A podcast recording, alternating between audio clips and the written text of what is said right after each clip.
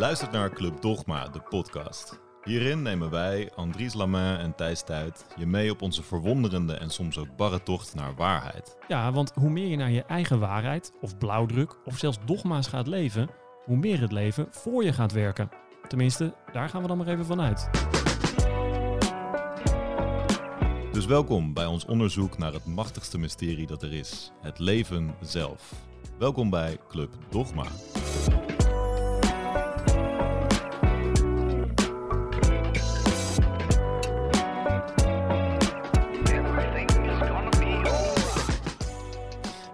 Goed dat je luistert naar Club Dogma. Club Dogma, de podcast.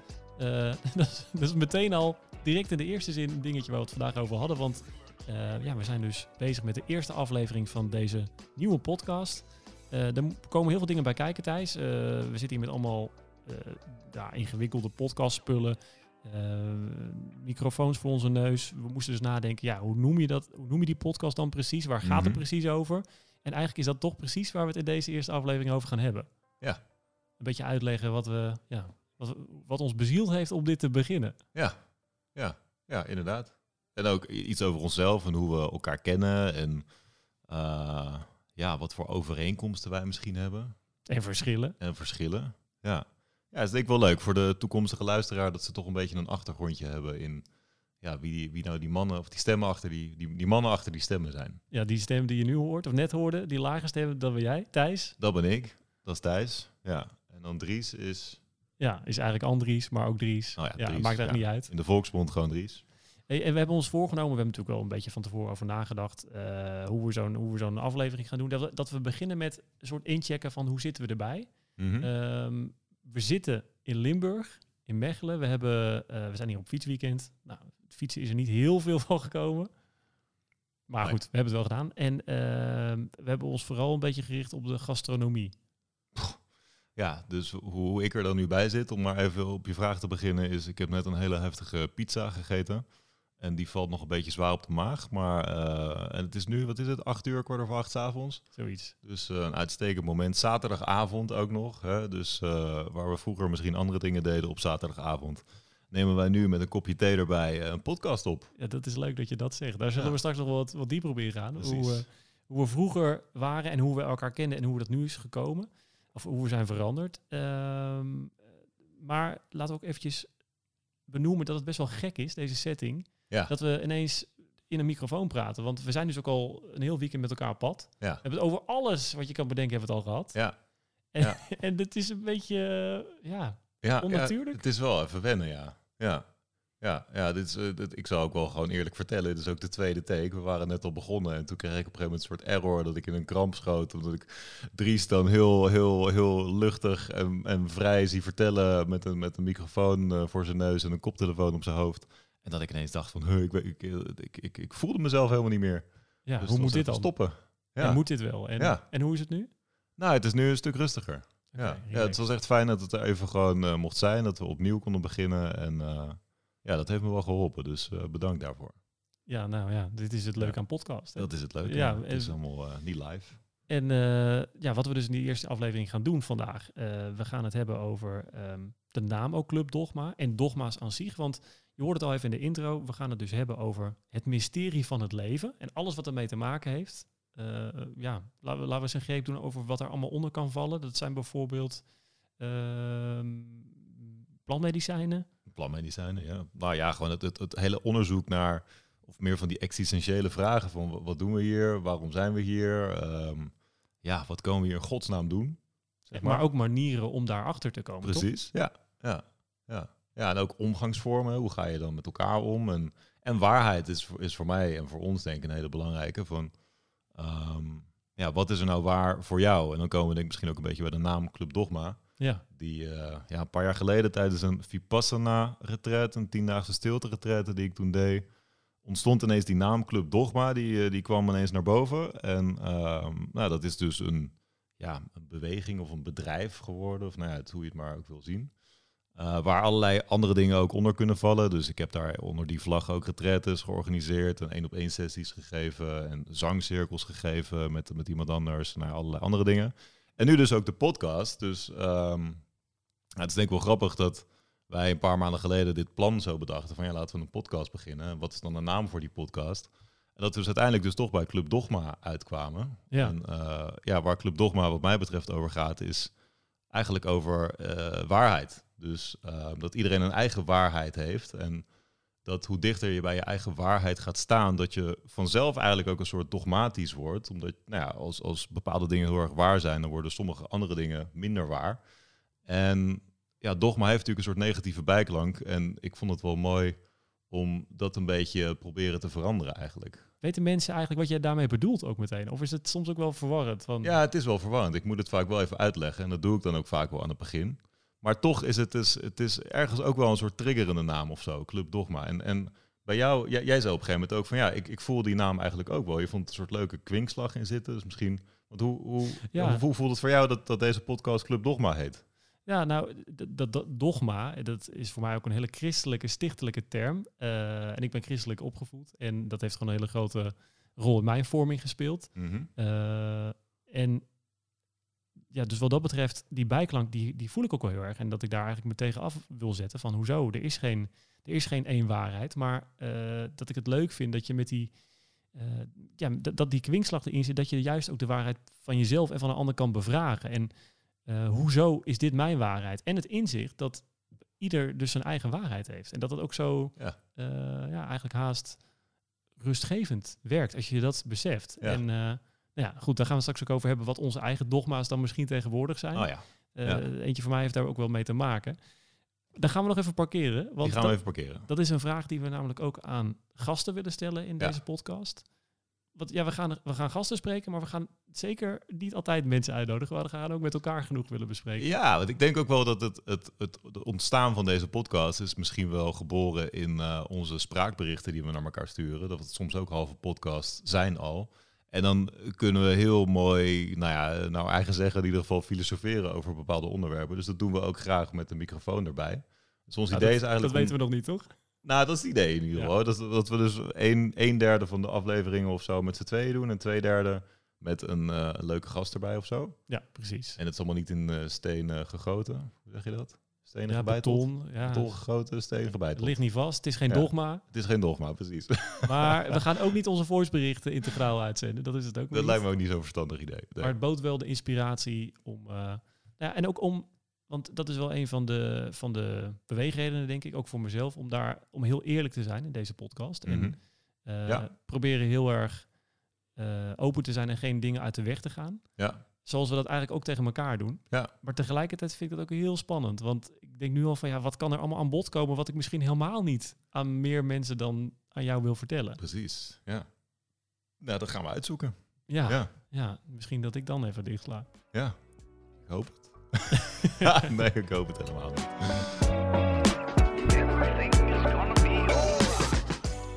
Dries, ik ken jou natuurlijk inmiddels wel een beetje. Maar voor de luisteraar thuis, eh, vertel eens wat over jezelf. Ja, dus even zo'n biootje. Ja. Andries Lamé, 33 jaar, geboren in het oosten, in Twente, in Enschede, Oosten. in de Horsten. Dat, eh dat hoor je misschien nou en toe nog een beetje. Nou, niet zo vaak eigenlijk.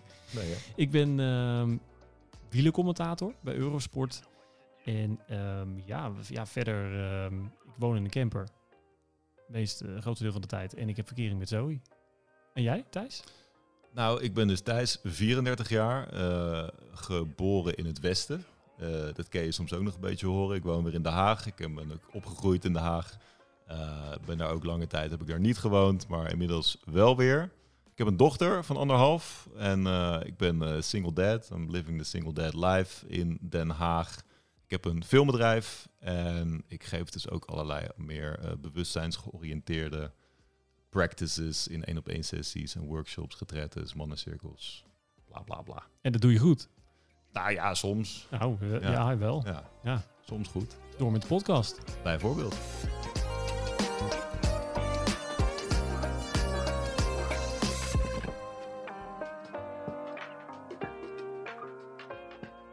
Ik heb wel eens ergens gelezen dat je dat, dat, je dat, dat, dat bijvoorbeeld kunst is een manier om het mysterie van het leven te duiden.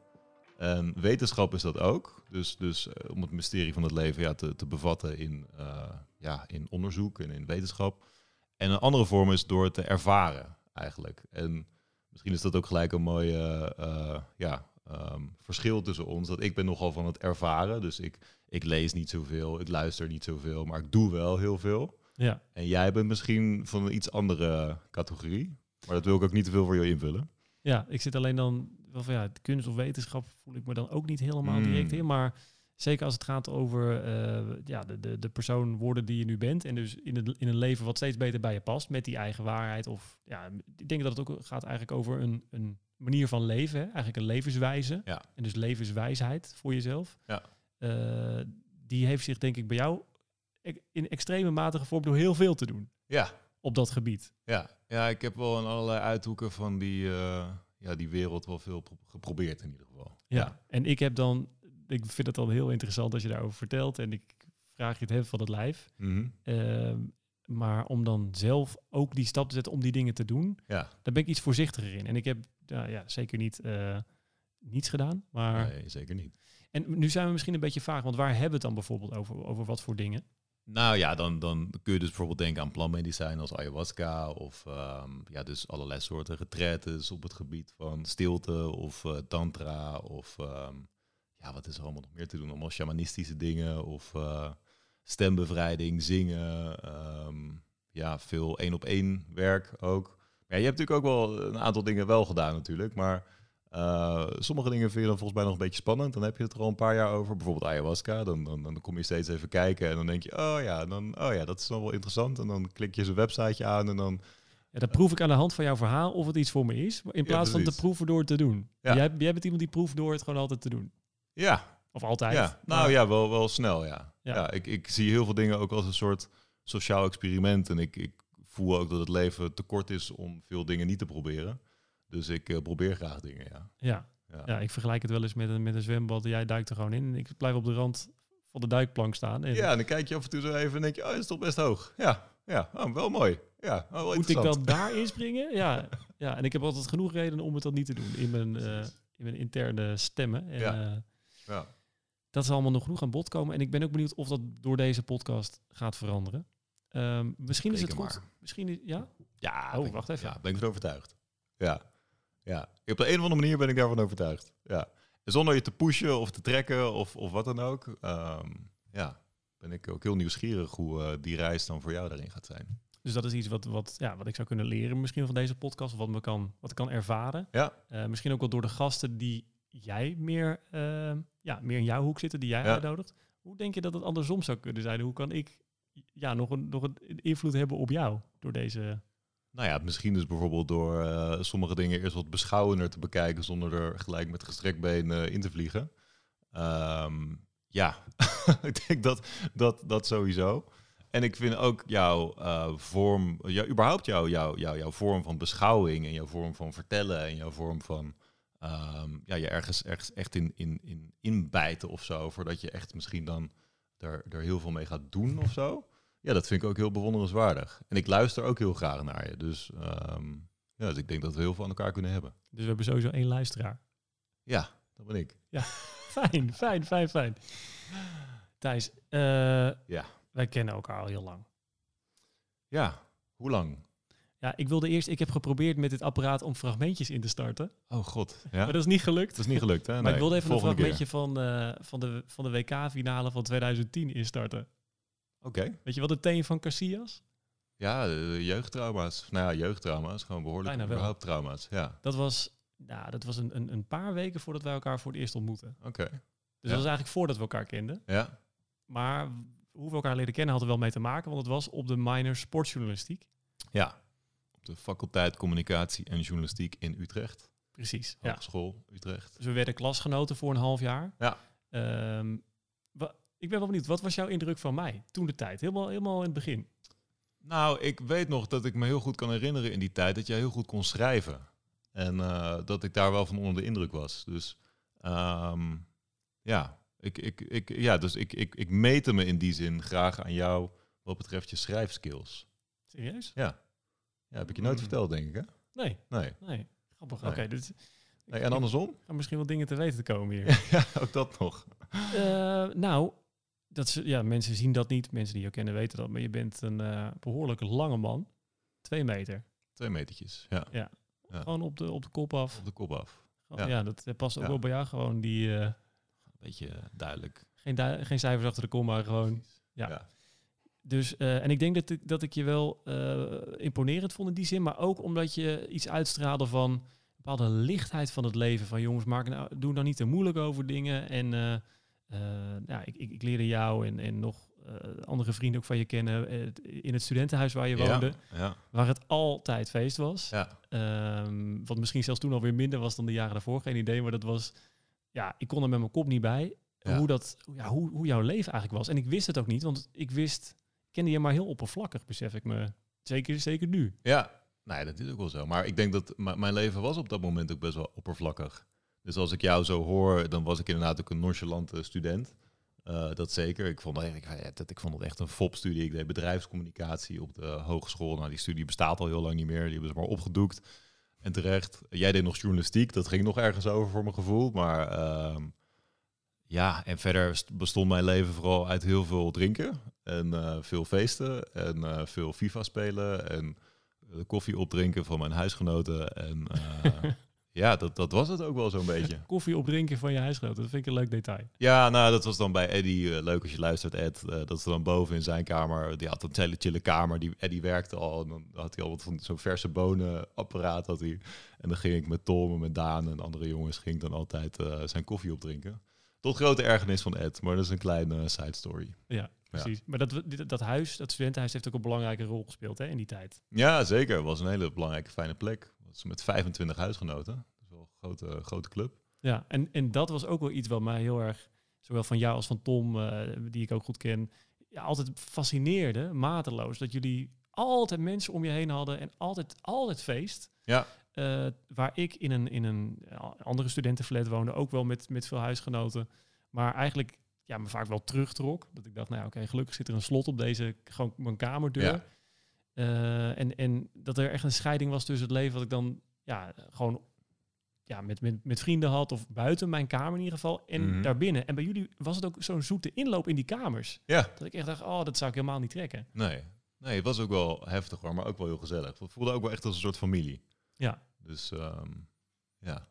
En als je dan kijkt, eh, want we hebben het hier even over, omdat er is veel veranderd sindsdien. Hm. Eh, daarom was ik ook wel benieuwd hoe je bijvoorbeeld naar mij keek. Want mijn beeld van jou is echt ja, bijna 180 graden geshi- geshift, Hmm. als dat zou kunnen.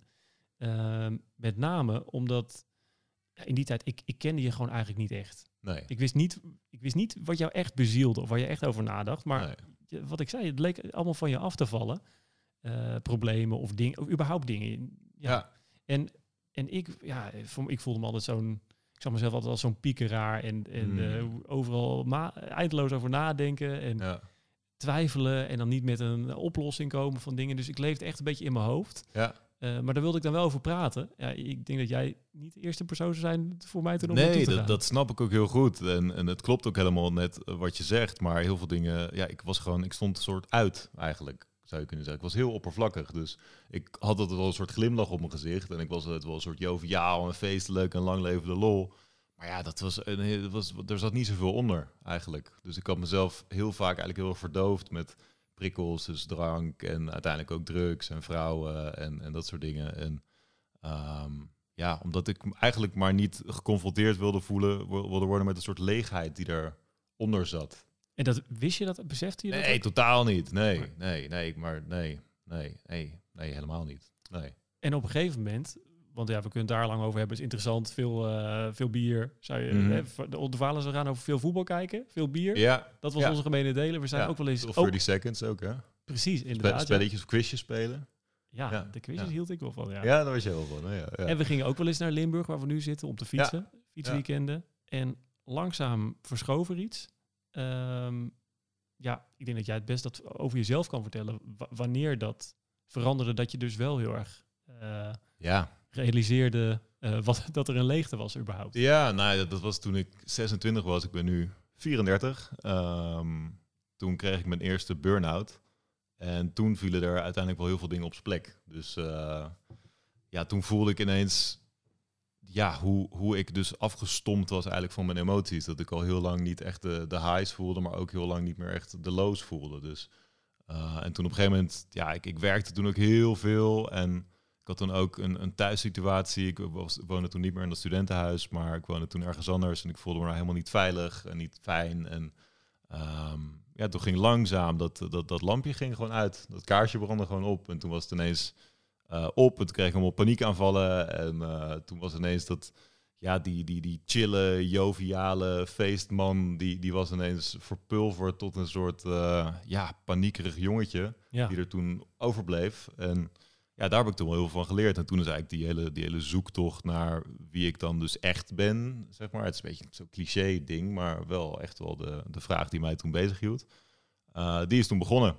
Ja. Ja. En die heb jij eigenlijk best wel van redelijk dichtbij nou, in het begin misschien van wat minder dichtbij, maar uiteindelijk nu wel van best wel dichtbij meegemaakt. Ja. Ja. Ja, want eh, ik, ik weet dat dat ook veel impact heeft op hoe je leven eruit ziet en misschien ook wel de mensen met wie je omgaat. Maar op een of andere manier bleven we elkaar wel vinden. Misschien Ja. zijn we elkaar wel beter gaan vinden. Nou, dat weet ik wel zeker. absoluut. Ja, nee, Ja. sowieso. Ja. Ja, ja, ja. Hoe, i- ja, voor mij voelt het wel dat het een heel ander pad is geweest, in mijn geval. Ik, Ja. eh, Vertel daar eens wat over. Nou ja, ja. ja. ja, we hebben niet echt een duidelijke hoofdrol of zo. Hè? Maar eh, we zijn allebei de host. We zijn allebei de host, Dat voor ja. de duidelijkheid. Twee kapiteins op dit schip. Maar we hebben Ja. wel vaak, dat is wel een leuke sidestep om heel kort te nemen. Een, een, dan gaat het over de, de vragensteller en degene die, eh, die daar moet antwoord geven. Mhm. D- dat, dat we allebei eigenlijk de neiging hebben om veel te vragen. En jij zegt dat je, dat, eh, dat je vaak die rol hebt. Ja, En, maar bij mij dat die een beetje ondersneeuwt. nou, omdat er, er, ik, ik, ik zie mezelf als een redelijk goede vragensteller en die ook wel veel vragen stelt. Maar Dries, eh, beste mensen, is echt gewoon nog even level, eh, level 100, zeg maar. Dus eh, het, is, het, is, het, was, het was inderdaad soms best wel lastig om er dan een soort nog tussen te komen of zo. Dat ik dan een paar uur met je gewandeld had en dat ik dacht van...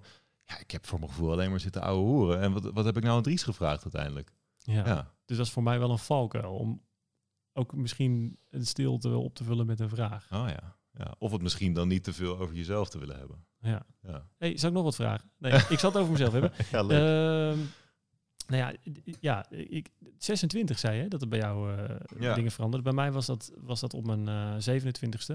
Hmm. Ehm, maar dat, ja, dat, achteraf was dat ook als een, eh, ja, eigenlijk als een vulkaan die langzaam naar een uitbarsting toe werkt. Dat het ook allemaal heel op zijn plek viel, dat het al jarenlang eigenlijk aan het borrelen was. Bij mij was het denk ik wel wat minder explosief. Eh, ik mijn leven kwam niet in één keer helemaal stil te staan of zo, maar ja, het, ga, het ging heel geleidelijk. En eh, een relatie die ik had, die ging uit. En ik besloot eigenlijk voor het eerst in mijn leven met een ander te gaan praten. Dus ik ging in therapie. Mhm. En dat, dat, niet dat het heel veel aansloeg, maar ik herken achteraf zeg maar, dat dingen een eerste stap kunnen zijn. In een richting waar ik uiteindelijk dan uitkwam. Ja. Eh, nou, die, die therapie, die sloeg, dat, dat, dat- ja, dat was het niet. Ik voelde eigenlijk heel veel conflict met, eh, met die man. Hmm. Eh, maar daarna ehm, kreeg ik via mijn werk een coach. Ehm, Oh ja. ja, en dat was eigenlijk een beetje het, het turning point. En het belangrijkste, denk ik, het belangrijkste element uiteindelijk wat ook gewoon die, die verandering bij mij in gang heeft gezet, is dat ik, ehm, dat ik eigenlijk toen pas mijn geloof, of het geloof waar ik mee opgegroeid ben, losliet.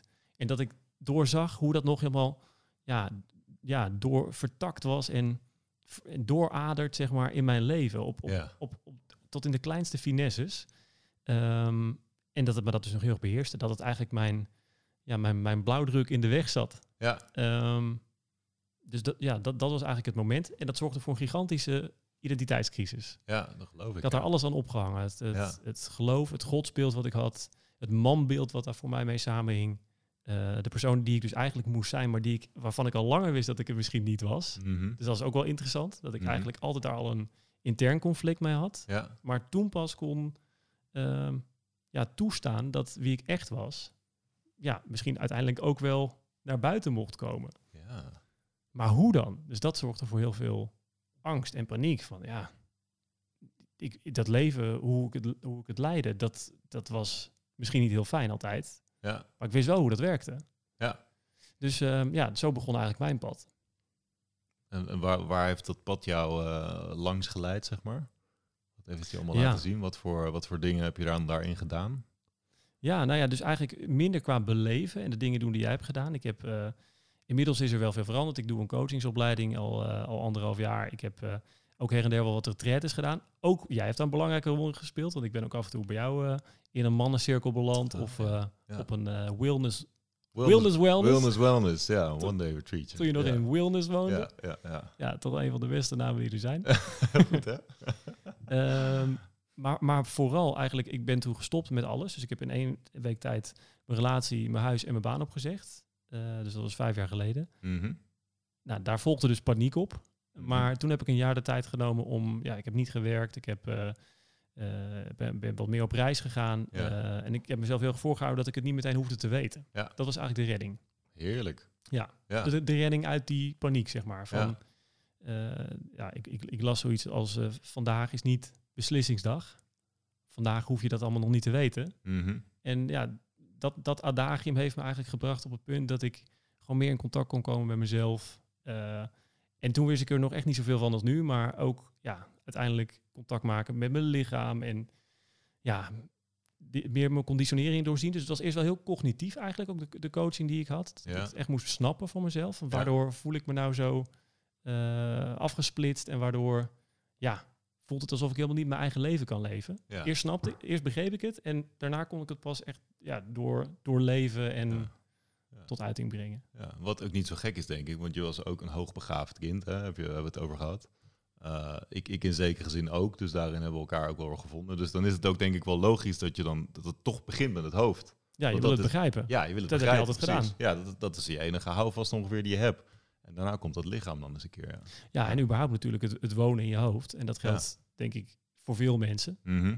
Maar ja, want ik heb jou ook al vaak horen zeggen dat je vooral meer wilde voelen. Ja. Ja, en toen ik denk ik 28 was of zo, toen deed ik mijn eerste ayahuasca-reis. Ook met de intentie om meer te gaan voelen. En toen in die reis, toen kwam ik erachter dat ik eigenlijk een heel hooggevoelig eh yogi eh, ben. Eh, en toen stond ik ineens weer wagenwijd open. En toen herinnerde ik me ook dat dat vroeger eigenlijk ook altijd zo was in mijn jeugd en in mijn kindertijd. En dat ik me dus ook, omdat het allemaal best wel heftig was, uiteindelijk heel veel ben gaan verdoven op allerlei manieren. En, ehm, maar toen was ik dus op mijn 28e ineens weer super hooggevoelig. En eh, toen moest ik daar best wel even een, een weg in vinden. Dat ik echt op een gegeven moment, ik kon niet meer in, in, in, in, in cafés zitten waar de akoestiek niet goed was. Dan moest ik gewoon weg. En, Dat was je eh, tweede thuis geworden. Ja, nou ja, precies. Dat was altijd wat ik kende, ja. Ja, dus eh, ja, dat was ook wel even schrikken. Ja. Ja, ja, ja. Interessante paden. Interessante paden, wendingen en overeenkomsten, verschillen. En hoe we elkaar de afgelopen jaren dan meer hebben gevonden is... eh, want het leuke is, ja, ik, ik, dus ik leerde jou kennen en toen zag ik je als iemand ja, van wie eigenlijk lasten een beetje afgleden. Mhm. Of je het nou bewust of onbewust deed, maar ehm, je, ja, jij, jij, ik zie jou als iemand die steeds meer ging praten over zijn gevoelens, maar het ook steeds meer woorden kon geven. Tot een punt dat ik dacht, jij kan het zelfs meer woorden geven dan ik. Dus dat ik een beetje, Ah. ja, misschien wel me aan je op ging trekken. Of dat ik dacht, Mm. hm, wat die Thijs allemaal doet, vind ik wel interessant. Hmm. Vandaar ook een beetje dat jij bent de belever en ik ben de beschouwer. Ja. Het was ook gewoon dat, je, ja, dat, dat, dat jij mij in een contact bracht met dingen waar ik zelf nooit over nadacht. Bijvoorbeeld ayahuasca, dat, Ja, dat, dat, dat hoefde van mij niet per se zo. Maar doordat jij dan over vertelde, dacht ik, ja, nou ja, misschien toch wel. ja. Nou, dat is mooi om te horen. Ja. Ja. Eh, tot, met, tot en met de afgelopen jaren eigenlijk, dat je eh, Club Dogma hebt opgezet. Mhm. Ehm, en misschien kunnen we het heel even hebben over de mannencirkels Mhm. die je hebt georganiseerd. Eh, daar heb ik zelf veel aan gehad. Eh, dat was voor mij ook een nieuwe setting om Mhm. in een groep met mannen te kunnen, ja, te kunnen delen en kwetsbaar zijn en, en vertellen en Ja. lachen. En ja, gewoon, maar zeg maar al die facetten van het mens zijn ook met andere mannen, want dat is iets toch, ja, het is niet voor niets dat dat zo, ehm, eh, dat, dat zo belangrijk is. Hè? Mhm. Ja. Ja, ja, wat kan ik daarover zeggen? Het is, eh, ik denk dat ik daar een paar jaar geleden mee ben begonnen, met, toen met die, met die mannencirkels, waar jij dus ook een, eh, een graag geziene gast was, inderdaad. En ja, wat er, wat er voor mij zo, zo bijzonder aan is, is dat ehm, ik merk altijd dat, dat, nou voor mij is dat sowieso, maar vrouwen zijn fantastisch en ze zorgen ook voor heel veel ruis. En als je die factor dus even weghaalt en je stopt dus gewoon mannen bij elkaar in een veilige setting, eh, dan ontstaat er gewoon een soort van magie. En ontstaat er dus, dus gewoon in, in dat broederschap, wat er dan ineens is, eh, ontstaat er ruimte en vrijheid en om, om te kunnen delen. En natuurlijk, dat, dat zijn we misschien ook wel gewend eh, als we in de kroeg zitten. En dan heb ik heel vaak gehad dat ik dan met vrienden om vier uur s'nachts uh, straalbezopen aan de bar zat. En dat dan de verhalen eruit komen waar het eigenlijk echt over gaat. En dat vond ik altijd prachtig. Maar dan de dag daarna was ik dan toch weer de helft weer vergeten. En ergens bleef dan ook een soort, soort vervelend staartje van... ja, waarom, waarom moet dat op zo'n manier? En toen ontdekte ik dus dat die hele mannencirkelwereld... Toen dacht ik, hé, maar dit, dit bestaat dus gewoon. En het voelde ook zo als thuiskomen. Alsof dat al duizenden jaren gebeurt dat ook al, weet je wel. Dat mannen rondom een vuur gewoon samenkomen en gewoon het leven bespreken. Want heel veel meer dan dat is het niet. En dan merk Ja, je dat er heel precies. veel Heel- herkenning is. Heel en- vanzelfsprekend Heel eigenlijk. vanzelfsprekend, ja. En dat is eigenlijk ook, ja, dus voor heel veel herkenning zorgt en daarvoor ook voor heel veel eh, heling in, in, in a way. Ja, dus ja, dat op heel wat voor manier mannen, bedoel je dat? Nou, dus dat heel veel mannen natuurlijk wel tegen dingen aanlopen en dat in onze, in onze maatschappij, in onze cultuur, het niet heel normaal is dat mannen over hun gevoel praten of dat ze huilen. Hè? En ehm, eh, dat, nou ja, dus dat, dat in ieder geval die herkenning daarin, dus dat er andere mannen ook met dezelfde problemen tussen haakjes eh, lopen, dat, dat, dat kan al zoveel uitmaken. Ja. En daar gewoon eens een keer vrij uit over kunnen vertellen, zonder dat je daarop wordt afgerekend of wat dan ook. En zonder ook dat de andere mannen jou daarin moeten gaan helpen Nou, of ondersteunen of fixen of wat dan ook. Dat is misschien nog wel een bepaald, eh, bepaald eh, misverstand wat er overheerst bij mensen die een beeld hebben van ja, hoe, hoe werkt dat dan? En ga je dan Mhm. elkaar een beetje lopen coachen? En, en, maar het is echt vooral gewoon het je uitspreken. Hè? Zo heb Ja. ik het ook tenminste ervaren. Ja. Ik kan het eigenlijk alleen maar voor mezelf zeggen. Maar dat je ja, dat, dat, dat, dat er dus een plek is, een platform waar allemaal mannen zijn die, uit, die dezelfde intentie en hetzelfde verlangen hebben. Die dat gewoon willen, die gewoon willen samen zijn eigenlijk. Ja. En, Ja. eh, Ja, en dat klinkt dan ook altijd een beetje weeg, vind ik of zo. Hè? Van hè, mannen die ze gewoon een beetje willen delen. En, en dan, dan, dan heb ik soms wel eens het idee dat mensen denken dat het een soort, soort zielige mannengroep is. Die, die daar met, met elkaar een beetje aan het janken zijn. Bla bla bla. Maar het is juist, er wordt superveel gelachen. Eh, het, is, het is ook heel luchtig. Want hey, het zijn ook gewoon een stel mannen die bij elkaar komen. Dus er worden ook gewoon goede grappen gemaakt over het algemeen. En ehm, ja, toch die veiligheid die je, dan, die je dan bij elkaar vindt. En dat je elkaar dus niet hoeft te helpen. Dus dat iedereen er echt voor zichzelf is. ja. Super belangrijk. En het is ook wel een beetje geboren uit een verlangen, toch? Want jij hebt ook wel eens verteld dat op veel, nou, van in je hele experimenteertijd, of in ieder geval in het geshop bij allerlei retretes, Mhm. dat het toch wel vaak gebeurt. En ik heb dat zelf ook eh, inmiddels wel een paar keer meegemaakt, dat je een van de weinige of de enige man bent. Zeer zeker, ja. Dus daarom Ja. is het ook belangrijk. Want Ja. ik wil eventjes erbij zeggen, het is niet dat dit een podcast is voor mannen. Nee, helemaal niet. Nee, nee, nee. nee. En het, het is juist wel grappig dat als, als ik bijvoorbeeld iets deelde over zo'n mannencirkel op Instagram of zo, dat heel veel vrouwen reageerden. Van, oh, wat top, wat tof. En dan was ik maar een man en eh, bla, bla, bla. En ja, ik ga mijn broer, mijn neef en mijn vriend naar jullie toesturen. Nou ja, dan uiteindelijk is de conversie misschien eh 1%. Maar Ja, eh, het is het is een start. ja, Ja. precies. Het is, een, het is Ja. ook een Het is een mooie wereld. soort movement eigenlijk, hè? Het is een movement die wel echt aan het groeien is. Dus dat geeft de burger moed.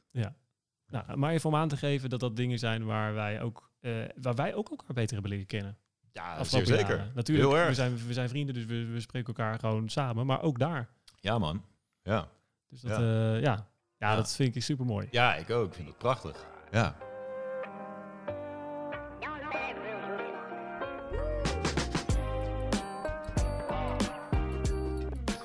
Eh, hè. Wat een toestand, hè? Zeker een toestand.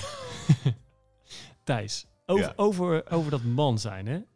Ja. Ik heb al gezegd, het is niet een podcast uitsluitend voor mannen. Zeker niet. Ehm, maar ja, goed, we zijn wel mannen en we waren ooit jongens. En we hebben het over dogma's. En ik ben wel echt met, ja, met, met sterke dogma's over het man zijn opgegroeid. Dat- Zoals?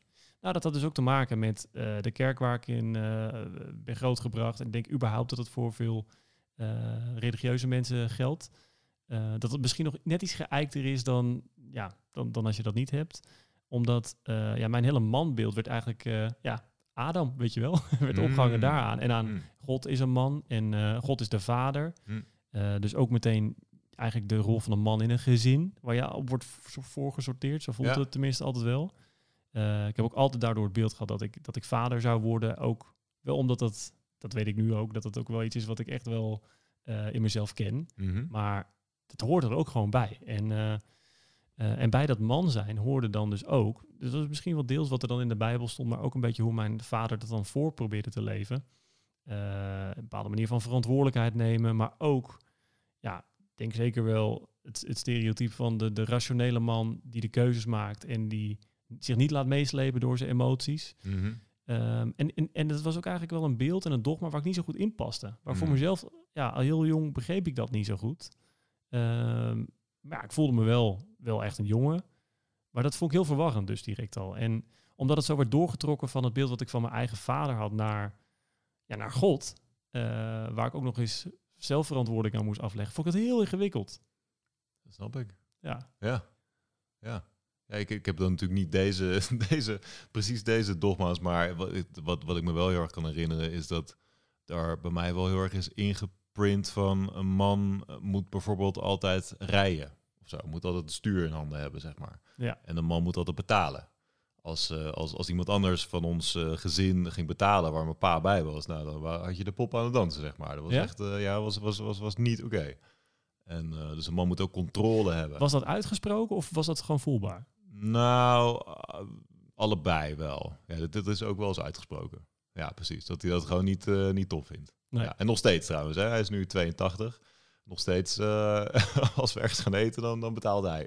Ja, oké, is- van, van wiens geld het ook is, zeg maar. Maar eh, ja, dat zit gewoon diep geworteld. dat zit bij hem vooral heel diep geworteld. Ja. En, en waren er, dat is dan als het gaat om, om jongen of man zijn, maar waren er nog meer dogma's bij jou? Want nou, ik kan ze voor mezelf even, die kan je uittekenen, want dat was dus ook weer eh, verankerd in het geloof dat er, er is een God, dat is gewoon waar. Oh ja. En, en, en, en, en, en een God die mens is geworden, Ja, Jezus. ja. Zo, het Ja. wordt voor mensen die niks met de kerk hebben, wordt het wel een hele, wordt het een rally-cast. Nou ja, daar kan ik wel iets tegenover eh, brengen. Want bij, bij mij thuis, of bij mij in mijn, in mijn belevingswereld, was het gewoon heel duidelijk dat er geen God is. Oh, dat is een leuke tegenstelling tussen Dat ons. is dan. gewoon helemaal geen God. En iedereen die, die, die bidt en die, eh, die, die, die, ja, die eigenlijk zijn verantwoordelijkheid bij iemand anders neerlegt, is een soort slappeling zelfs. Ja. Zo, zo, zo ver ging dat zelfs eigenlijk. Ja. Die neemt dus geen eigen verantwoordelijkheid. Nou ja, dan, dan heb ik dus weer daar tegenover te stellen dat, dat eh, het vooral niet de bedoeling was dat je zelf regie zou nemen. Nee, dus het was echt het stuurwiel uit handen geven. Precies, ja. Ja, nou ja, dat, daar, ja, daar ben ik valikant op tegen, zeg maar. Ja, Ja, nog ja. steeds. Ehm, nou, ja en nee. Ja, het is wel iets genuanceerder geworden wel. Want, want ik geloof nu ook erg erg een overgave en aan het grotere. Om het nog maar eens wat mystieker te maken misschien. Ja. Ja. Maar dan niet in een god. Nou ja, ja wat is god? Ja, dan wordt het weer heel filosofisch ineens. Leuk. Ja, leuk. Ja, daar hou ik wel van. Daar hoef je niet overal in te springen. Daar kan je het er gewoon over hebben. Ja, precies. Maar we hadden het over dogma's. Blijf ik op de Dat is, eh, duikplank. dat, we hadden het over dogma's. Ehm, ja, dus, dus heb jij er nog eentje uit je jeugd die er, die er zo uitspringt? Of, ehm, Mm, ja, het eeuwige leven. Hè, dus er is een God en, en, en, en het, ja, er is een, een, een, een hiernamaals. hm. Ja. Ja. Ja. Hoe, hoe is dat? om- Hoe, nou ja, ja, ik ben wel benieuwd. Hoe, hoe, hoe is dat om zo met, met zo'n gedachte te leven überhaupt? Als je al zo jong bent. Dat je weet dat het, dat het niet eindig is. Nou, ergens heel geruststellend. Ja? Maar, Ja. je, je moest wel, zeker dan vanuit de kerk waarschijnlijk, moest je wel een bepaalde eh, voorwaarden voldoen om in dat hiernamaals te komen. Ja, nee, zeker. Dus dat, dat heeft wel. ehm, eh, dat voor nu, voor nu misschien te ver om dat helemaal uit te leggen. Maar het beeld van. Kijk, dat is het leuke aan een dogma of aan een gegeven. eh, en daarom werkt het vooral, denk ik, bij een opvoeding. Je weet niet beter. Nee, En ik ben best wel in een, in een bubbel opge- Ja. opgevoed. Dus het is niet eens iets van, ja, eh, moet je er blij mee zijn? Of is het eh, fijn? Of is het een nadeel of een voordeel? Het is gewoon zo. Het is gewoon zo. Ja. Dus het is, ja, je kan er niet aan tornen. Nee. En ja, ik vond eigenlijk, dit, het klonk allemaal altijd prachtig. Ja. Gouden straten, Ja. Ja. Ja. Nou ja, gelukkig maar. ja. Ja. Maar als we dan naar nu gaan, over de dogma's die we, die we nu hebben. ehm, heb, heb jij er eentje? Nou ja, dat is eigenlijk, dat staat dan weer een beetje haaks op waar ik dan misschien vroeger in geloofde. Maar nu eh, ben ik er heilig van overtuigd dat reïncarnatie bijvoorbeeld bestaat. En dat, eh, dat wij een, een ziel zijn in een menselijk lichaam wat een bepaalde missie heeft, wat, waar, waar je meerdere levens over kunt doen, totdat je die missie hebt volbracht, zou je kunnen zeggen. Ah, ja. Dus een ziel die steeds incarneert in een nieuw lichaam. En op een gegeven moment houdt het lichaam ermee op en dan gaat die ziel weer ergens naartoe en die komt dan vervolgens weer terug. Zolang dat Zo, nodig is. ja, zo- as long as the mission takes. en, ja. en is er dan ook iets of iemand vanuit wie die missie komt? Nou ja, nou wel iets. Dus, dus een ander dogma is wel. Dus er, er is echt iets groters dan, dan wij. En tegelijkertijd, zonder ons is het er niet. Dus, dus ja, dat klinkt misschien ook weer heel filosofisch. Maar. ehm, en, En, dat, ja, dat, dat sommige mensen noemen dat God, sommige mensen noemen het universum, sommige mensen noemen het het veld of de bron of het alles of het niks. Voor mij is het allemaal hetzelfde, in, in a way. Ja. En, en, en hoe is dat, dat dat dat beeld zo geshift is voor jou? Van, van vroeger dat er dus in ieder geval, of je het nou God wil noemen of niet, maar dat, dat was er in ieder geval niet. En dit klinkt alsof het toch wel een soort van, in ieder geval een goddelijk is. Ja, nou ja, dat heeft denk ik te maken dus toch met het soort innerlijk werk wat ik, wat ik veel gedaan heb. En waar ik ook bij mijn eigen kern ben gekomen. Waarin ik dit gewoon heel sterk gevoeld heb. En dus het zijn ook dingen die ik echt niet kan uitleggen van, van waarom is dat dan zo en hoe weet je dat dan? Nee. I don't know. Het is, het, maar het is echt zo, zo klaar als een klontje. Er is Ja. echt geen spel tussen te krijgen ook. Nee, want daar Dus- hadden we het net even over. Een dogma moet je eigenlijk niet, niet hoeven uitleggen. Want Nee. het is jouw Ja, overtuiging. het is jouw waarheid. En die is gewoon zo. Punt. Is heerlijk eigenlijk om dogma's te hebben. Ja. En fuck you, zeg maar. ja, waarom een fuck you? Nou ja, gewoon meer van dit is zo, punt en fuck you. En het is gewoon mijn waarheid en daar, daar kan niemand wat aan doen. Dus eigenlijk dit is wel een hele stevige positie, zeg maar. Ja, En, en het is... maar die heeft niks met anderen te maken, toch? Nee, dat is waar. Ik snap het even Nee. niet. Nee.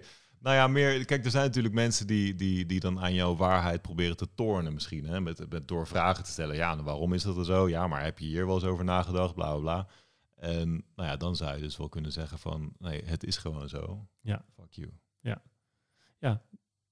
Nou ja, dat is dus ik, dat is voor mij eh, een heel gespreid bedje waar ik in terecht kom, want daar ben ik mee opgevoed. Dus Ja. de, dat, het is een overtuiging, een geloof. Ja. Eh, maar tegelijkertijd, ja, we, we zijn het aan het opnemen en we hadden het net even over mijn dogma's. Dat eh, nou ja, dat hebben we er allemaal weer uitgeflikkerd, want ik kwam niet uit mijn woorden. Eh, en ik merkte dat ik het überhaupt moeilijk vond om weer even in de rol te gaan van dat ik nu moet gaan vertellen. In Mhm. plaats van dat ik het lekker aan jou kan vragen.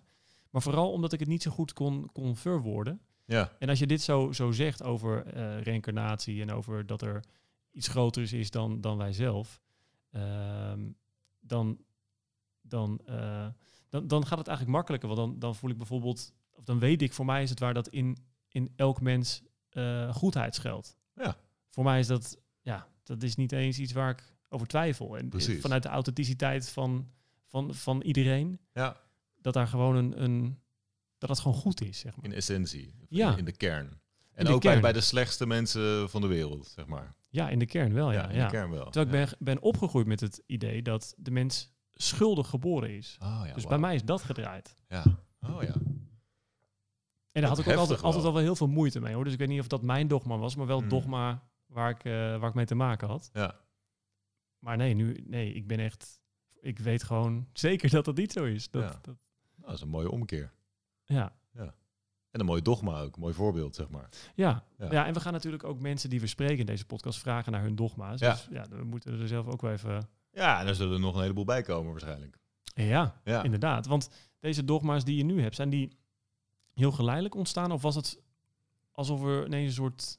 Ja, alsof het kwartje viel? Nou, maar ja, met sommige dingen, eh, eh, dit is, dit is, ja, het is allebei. Dus sommige dingen zijn heel geleidelijk gegaan en sommige dingen waren dan ineens zo, zo, zo'n zo'n epiphany van, ja, maar natuurlijk. Weet je wel, van logisch. Dat ik daar ooit op een andere manier over heb nagedacht. On, ondenkbaar. En hoe is het dan om daarover te praten met mensen die jou nog kennen als eh Thijs die niet in reïncarnatie gelooft of het er nooit over heeft? Dat is een goede vraag. Daar heb ik het eigenlijk niet echt met ze over, denk ik. Maar, ehm, maar bij deze is het gesprek, eh sta ik ervoor open. Ja. Mocht iemand het horen en mij kennen van vroeger en het willen hebben over reïncarnatie, I'm your man. Ja, het lijkt me een leuk gesprek om bij te zijn. Ja, precies. Ja, Ik weet zelf eigenlijk niet, niet om bij jouw waarheid te tornen hoor, maar eh, ja kijk uit. ja, of, ik daar, of, ik daar, of ik daar net zo stellig ja op kan zeggen. Op welke, welke precies? op reïncarnatie. oh ja, oké. Ja, ik voel dat niet dan zo direct. Nee? Nee. Maar en wel eh, wat betreft eh, dat zielen bestaan of die zielenmissie of... Ja, dat voel ik dan wel meer, ja. Ja. Oké. ja. Ja eh, eh, misschien is het gewoon iets waar mijn hoofd dan weer niet bij kan en waar ik dan nog niet eh, Ah ja. eh, op, Ja. kan, op kan intunen of zo. Want als ik denk aan een vorig leven, dat, die pak ik wel, maar een volgend leven, daar kan ik dan gewoon nog niet... eh, nee, ik ben meer van de korte termijn. Precies. Ah, ook prachtig. Ja, dat kan je ook waarderen. Precies. Eh, ik, had dus, ik had dus een dogma eh, over dat ik zo... Dat vind ik dan... Misschien is het geen dogma, maar vind ik wel fijn om even te noemen. Ja, En ook omdat ik daar in deze podcast nu een podium voor heb. Waar, ik heb lang in de media gewerkt. ja en, nog eh, steeds. In Nog steeds Ja. in een Ja, way, maar zeker. eh, iets minder journalistiek dan voorheen. Of tenminste nu echt in de sportjournalistiek. Ja. In het verleden ook actualiteitenprogramma's of ja, dat soort dingen. En Passion. Mag ik dat zeggen? Jongens, Dries heeft in The Passion gespeeld. Als, als Judas? Nee, wat was het nou? Oh, Nee, dit, eh, volgens mij wil je dit helemaal niet. Maar goed, het, eh, het vloept er even uit. nou, nee, maar dan moet je het ook goed zeggen. Ja, ja precies. Ja. Nee, Disciple 4 was ik. Oh, Disciple 4, ja precies. Ja. Disciple 4. Ja, was, ik heb ervan genoten. Ja, ik heb er toen live zitten kijken. Echt? Ja, ja ik vond het Heb je prachtig. daar de moeite voor genomen? Ja, ja, omdat jij erin speelde. Ja. Ja. Ja. Ik kan geen, ehm, geen soundbite eruit halen, want ik had geen tekst. Oh ja, maar je, straalde van het scherm af. Ja. Ja. Nou, eh, daarover gesproken, of tenminste daar niet over gesproken. Eh, wat, ik, wat ik vaak moeilijk vond, omdat de media is natuurlijk echt een meningenfabriek. En eh, ik heb zelfs voor een programma gewerkt waarbij het ging om het debat van de dag. Dus je moest eigenlijk een voor- en een tegenstander vinden. En ja, ik hou gewoon van nuance. En eh, dat klinkt misschien een beetje gek, want nuance verkoopt zichzelf niet zo. Mhm. Uh, maar ik vind het gewoon heerlijk om dingen van, van beide kanten te belichten. Wat eigenlijk ook al een beetje tegen dogma's ingaat. Ik wilde daar een dogma van maken. Van nuance is het. Weet je wel? Is, de nuance is eigenlijk echt de waarheid. Um, maar goed, die, die bekte niet zo lekker. Dus dat hebben we er maar uitgelaten. Ja, maar een dogma zou dan kunnen zijn dat voor jou dat, dat nuance beter is dan stelligheid. Ja, nou, dat sowieso, ja. Ja. Nou, dat is toch ook een dogma? Ja, maar het is gewoon zo. Ja, ja precies. Fuck you. Ja. ja. ja. Fuck mezelf met dat ik niet uit mijn woorden Ja, kwam. precies. nee, maar toch. Uiteindelijk eh, zijn, we er, zijn we er dan toch. we zijn er, Thijs. We zijn er. Dit was de eerste Club Dogma. Wauw. Hoe voelde dat nou? Nou, wel eh, leuk en onwennig en ook wel spannend en eh, grappig. En het was voor mij was het echt een dans. Ja, we zijn ook een paar keer gestopt tussendoor. Ja, Ehm, om even te voelen van, hé, wat gebeurt er nou? En wa- wat ik zelf belangrijk vind in dit hele traject wat we aangaan, is dat het dus leuk en ontspannen is eigenlijk. ja. Dus dat we daar nog wel een soort weg in mogen vinden. dat het ook Ehm, natuurlijk voelt. Ja, ja. En dan ben ik ook heel benieuwd hoe dit dan straks klinkt of zo. Of mensen dan, ja, eh, ja merken dat, dat het misschien een beetje stroef ging of zo. Of dat ze dat allemaal weg kunnen knippen. Of geen idee. Ja. Ja. Het is eigenlijk ook wel interessant om te merken dat zeker nu, dat heb, we hebben nog nooit zoveel tijd achter elkaar met elkaar doorgebracht, zoals dit de plek waar we nu zijn. Ja, We zijn al eh 48 uur samen ja, ruim. Plus? Ja, ja. en dan komt er een microfoon bij en dan gebeurt er toch wat. Ja, ja, en dus ook dan, misschien is dat nog wel leuk om even te benoemen wat voor, wat voor super-ego slash innerlijke criticus stemmen kom jij dan zeg maar tegen in zo'n proces? Dus wat, wat- welke stemmen vertellen jou allemaal eh, ja, slechte dingen? Ja, wat wat nou, zeggen ze dan? Ja, die zeggen dat ik, niet, dat ik geen verhaal kan vertellen. Oh ja. Dus dat ik, dat ik niet uit mijn woorden kom en dat ik het niet Ja. duidelijk vertel of dat ik geen eh, goed dogma heb. Ah ja, dat je geen goed dogma hebt. Nee. Oh ja. Ja.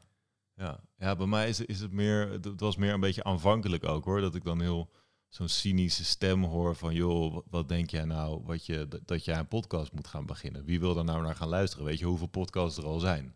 En dan denk jij, eh, meneer Tuit, dat jij nog een leuke, leuk, inspirerend verhaal kan vertellen of zo. Nou, succes man. Eh, heb je niet wat beters te doen, zeg maar. Ja, ga je dan Ja. ook in gesprek? Nou, nee, ik, ik ken deze stem inmiddels wel goed. Ehm, het is een soort, het is een licht Haagse, cynische stem die echt zo van, oh ja joh, oh ja joh, moet je dit nou echt gaan doen joh? Waar ben je nou mee bezig joh, gek. Weet je gewoon, en, en dan net, dan, dan, we zijn natuurlijk ook een keer gestopt in het begin, omdat ik echt zo'n beetje in een soort kramp schoot. En dan is, het- is hij er ook gelijk weer bij van, ja zie je wel, je kan het ook helemaal niet op een relaxte manier. Dus, dus waar, waar ben je mee bezig? Ja, die bevestigt dat dan ook nog eens. Ja. Ja, want ik heb dus zo'n zo'n Haagse, cynische stem. Hoe, hoe klinkt jouw super-ego stem? Daar ben ik ook nog wel benieuwd naar. Mijn superego, dat is eigenlijk gewoon een god. Zeg maar, God hoe die was. Is die weer. Ja, die galm zo uit de hemel. ja, Dan zegt hij van, eh, vertel nou even je verhaal normaal. ja, echt? Normaal, normaal. Ja, echt serieus? Of maak je er nu een soort grap van? Nee, ik weet het serieus. Oh, wauw. Ja, Ja, ja. dat is toch wel even een diepe imprint in, eh, in je jeugd gehad wel. Dat hele goddelijke, Ja. kerkelijke, christelijke.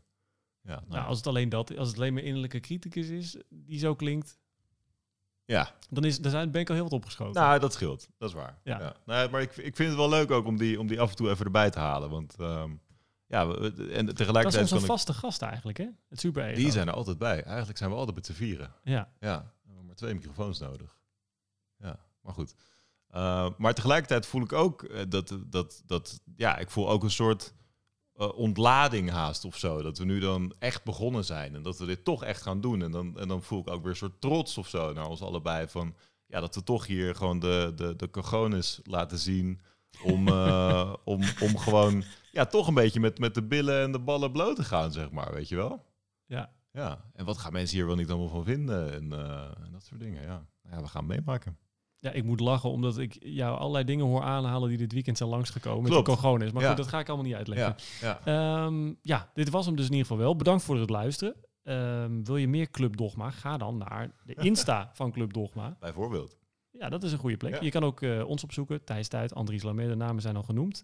Eh, maar belangrijker nog, en dat is, daar hebben we zeker nu veel baat bij, eh, abonneer je op ons in je favoriete podcast-app.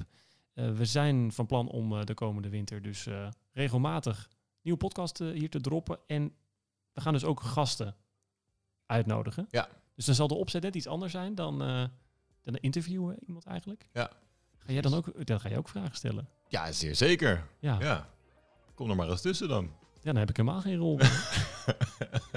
ik kijk ernaar uit. Ik kijk ernaar uit. Ik ook. Ja. Luister snel weer naar de volgende Club Dogma. En dank voor deze keer. Joejoe! Yo.